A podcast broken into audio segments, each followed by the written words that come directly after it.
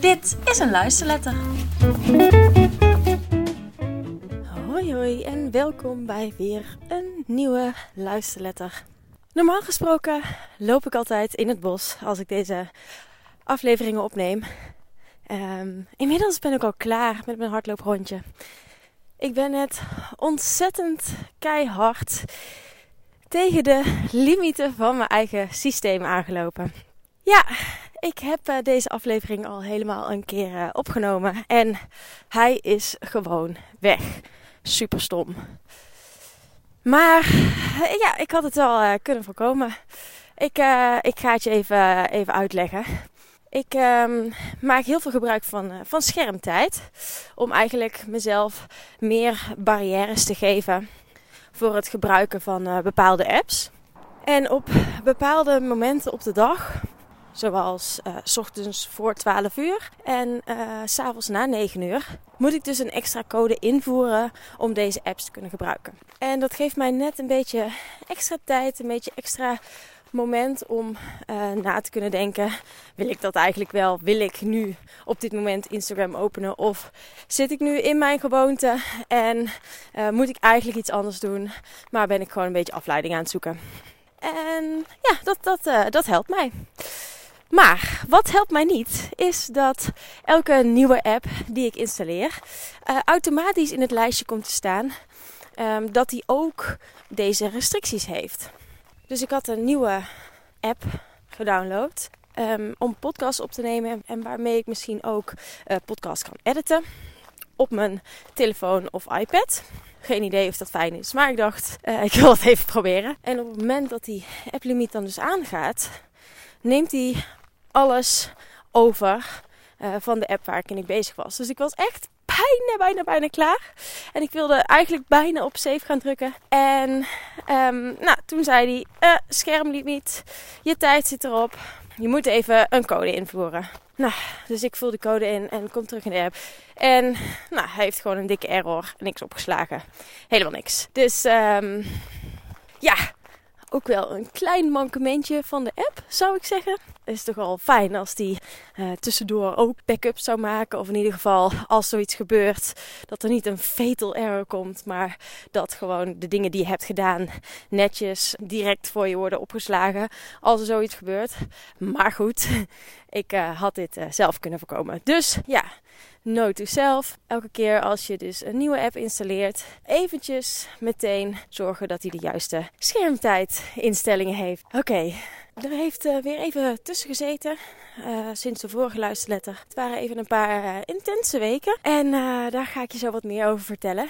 Ik ga je eerst wat vertellen over de training die ik zojuist gedaan heb. En hoe ontzettend blij ik ben met mijn nieuwe hartslagmeter. Garmin heeft namelijk de optie om ja, een soort van adapt en daar is het einde van mijn training.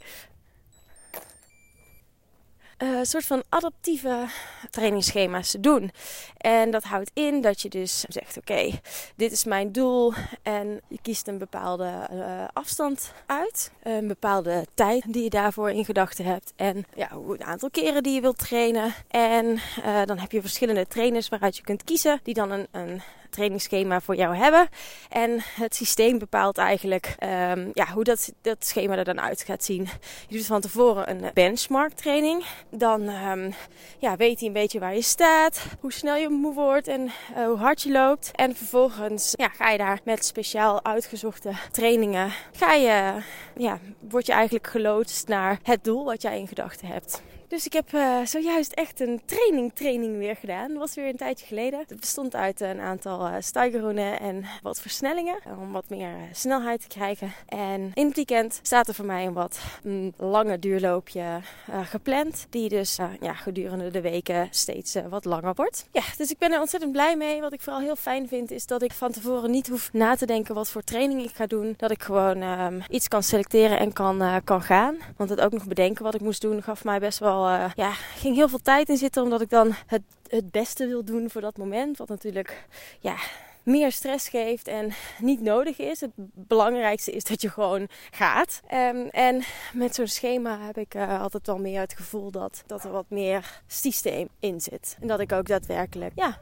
iets uh, goeds aan het doen ben. Ik heb er vertrouwen in, laten we het zo zeggen. Nou, ik ben het dus weer lekker, uh, lekker aan het oppakken. Ik heb er eindelijk de rust weer voor gevonden. En de reden dat dat even niet zo was, was omdat ik midden in een switch van, van banen zit. Mijn laatste maand is aangebroken bij Mallenberg, waar ik nu werk als analist in de IT. En er gaat weer een soort van kleine switch aankomen kan ik wel zeggen. Ik ga niet bij een ander bedrijf werken als, uh, als analist. Ik ga weer uh, wat meer uh, terug naar mijn roots. En mijn roots die liggen eigenlijk um, op de universiteit als, als wetenschapper. Ik heb in het begin van mijn carrière een, een PhD gedaan. En dat houdt in dat je vier jaar onderzoek doet.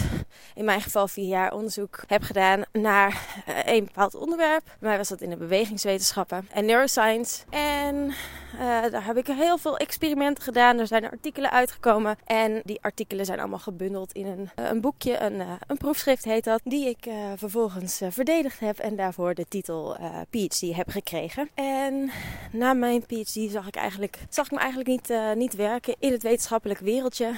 het is toch wel, veel mensen gaan dan in het buitenland wonen om daar een aantal jaren onderzoek te doen. Het is best wel, voor mijn gevoel, ik vond het best wel competitief. En nou ben ik best wel competitief van aard. En ja, zag ik eigenlijk dat leven niet um, gecombineerd met het leven wat ik graag wilde hebben. Namelijk uh, een gezinsleven. Dat wist ik toen al dat ik dat wilde. En um, inmiddels, uh, inmiddels is dat natuurlijk zo. En ja, je moet daar. Um, uh, heb ik ook wel ervaren. Dus dat had ik in ieder geval goed. Je moet daar een soort van hersenruimte voor over hebben om ja, te kunnen zijn wie je wilt zijn. En voor mij, voor mij uh, matchte dat, uh, dat niet met elkaar. Dus ik ben toen na wat, uh, wat zoeken, heb ik toen de switch gemaakt naar de IT-wereld en naar het bedrijfsleven. En dat was een behoorlijke switch. Ik...